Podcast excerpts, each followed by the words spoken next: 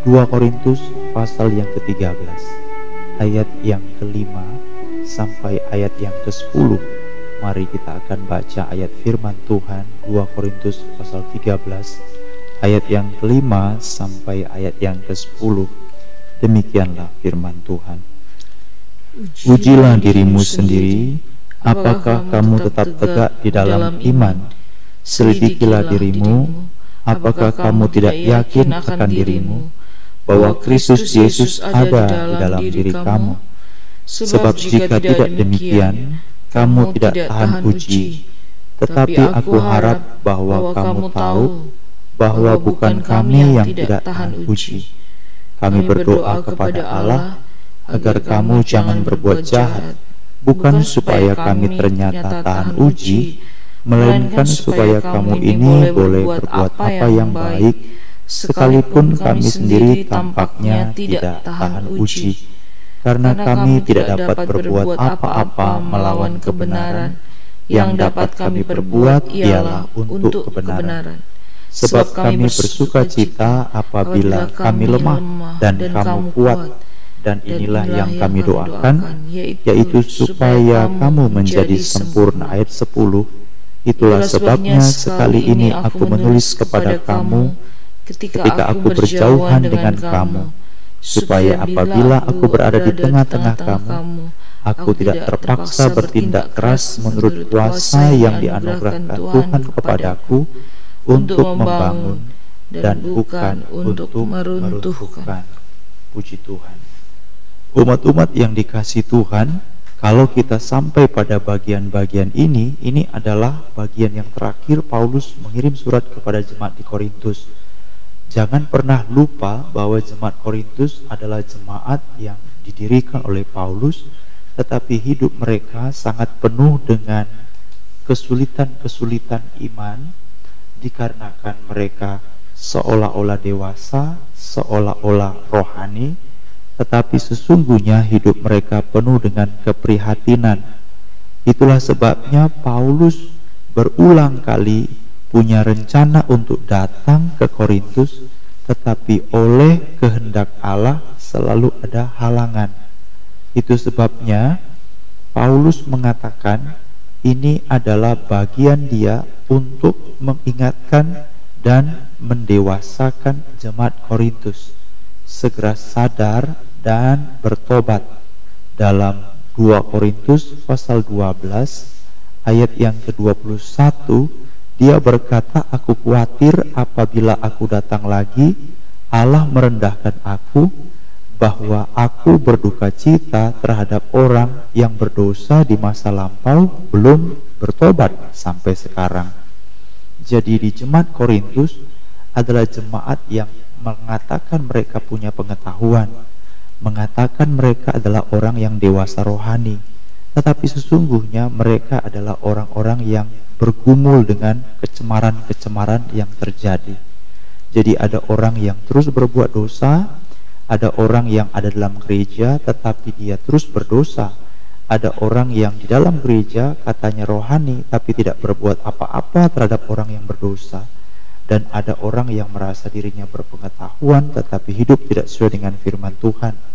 Ditambah lagi ada rasul-rasul palsu, saudara-saudara palsu Tentu mereka ini bukan di luar gereja, saudara-saudara, mereka dalam gereja, tetapi hidup mereka tidak berpadanan dengan Injil.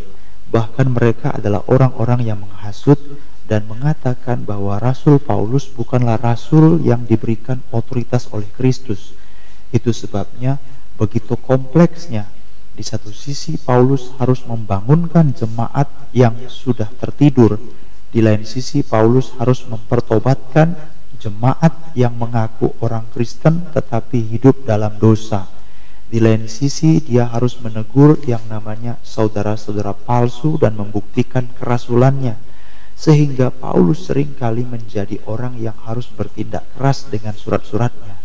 Termasuk dalam bagian yang terakhir, dia berkata dalam ayat 10 Galatia 2 Korintus pasal yang ke-13 ayat 10 Itulah sebabnya sekali ini Aku menulis kepada kamu ketika aku berjauhan dengan kamu, supaya apabila aku berada di tengah-tengah kamu, Aku tidak terpaksa bertindak keras menurut kuasa yang dianugerahkan Tuhan kepadaku.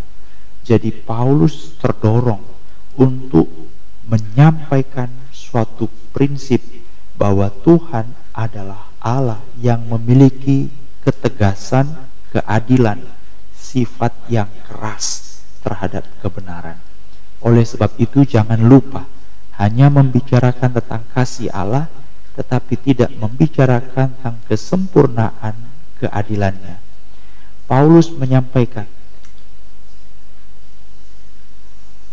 orang-orang yang percaya kepada Kristus adalah orang-orang yang memiliki roh Allah di dalam dirinya.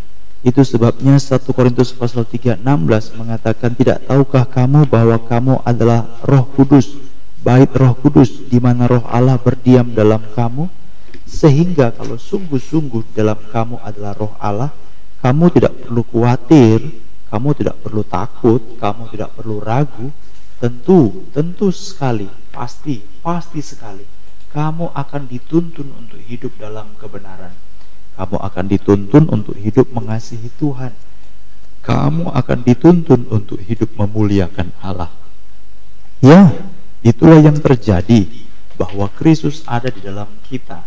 Galatia pasal 2 ayat 20 Kristus ada dalam kita. Rupa Kristus terbentuk dalam kita. Galatia 4 ayat 19 Galatia 2 20 Galatia 4 ayat 19 jadi uji dirimu sendiri kalau kamu ada roh Allah maka kamu tahu siapa sebenarnya hamba Tuhan yang sejati dan siapa hamba Tuhan yang palsu. Itulah kata Rasul Paulus.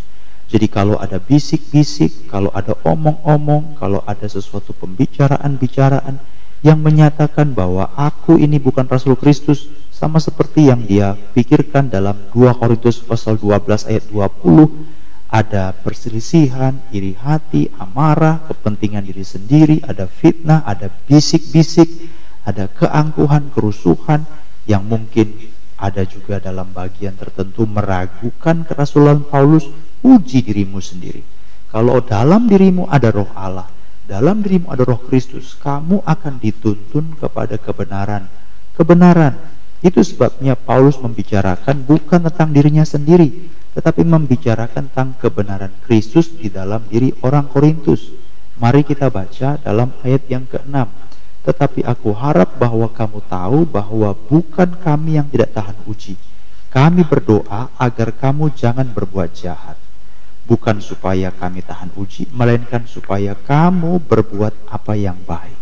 Jadi Paulus mengatakan, kamu tahan uji karena dalam dirimu ada roh Kristus.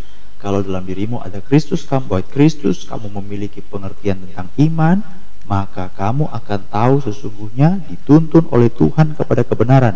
Kami berdoa supaya kamu jangan berbuat jahat, tetapi kamu berbuat, boleh berbuat apa yang baik ayat yang ketujuh. Ayat yang kedelapan, kamu melakukan perbuatan untuk kebenaran. Ayat yang kesembilan, inilah yang kami doakan, supaya kamu menjadi sempurna. Saya ulangi lagi. Jadi Paulus mengatakan, kalau betul-betul dalam dirimu ada roh kudus, kalau betul-betul dalam dirimu kamu adalah bait Allah, kalau betul-betul rupa Kristus sudah menjadi nyata dalam kamu, Galatia pasal yang keempat ayat 19, maka kamu akan kuat tahan uji, dapat membedakan mana yang asli, mana yang palsu, mana yang dari setan, mana yang dari Tuhan. Kamu dapat membedakannya.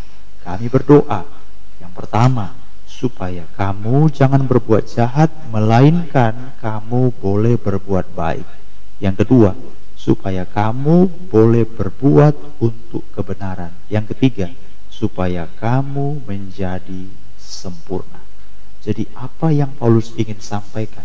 Sebenarnya dia lebih mengatakan, kalau kamu adalah orang yang sudah mengenal Tuhan, pasti kamu bertumbuh, pasti kamu berbuat apa yang baik, pasti kamu mementingkan kebenaran, pasti kamu makin lama makin sempurna. Kesempurnaan kita bukan karena karakter dan pribadi kita yang kita miliki, tidak. Tetapi apa yang Kristus kerjakan dalam hidup kita. Kristus kerjakan pertama, dia menebus kita, dia mengampuni kita, dia menyucikan kita. Dan yang Kristus kerjakan hari ke hari, adalah memperbaharui setiap hidup kita sehingga semakin serupa, bukan semakin serupa dengan dunia, tapi semakin serupa dengan Kristus. Itulah kesempurnaan kita. Jadi kesempurnaan kita bukan pada kita, tapi pada apa yang Kristus lakukan dalam kita. Ada yang hal harus kita ingat, saudara-saudara yang dikasih Tuhan, bahwa hidup kita harus memuliakan Allah. Jadi, bagaimanakah kita berhadapan dengan situasi hari-hari ini?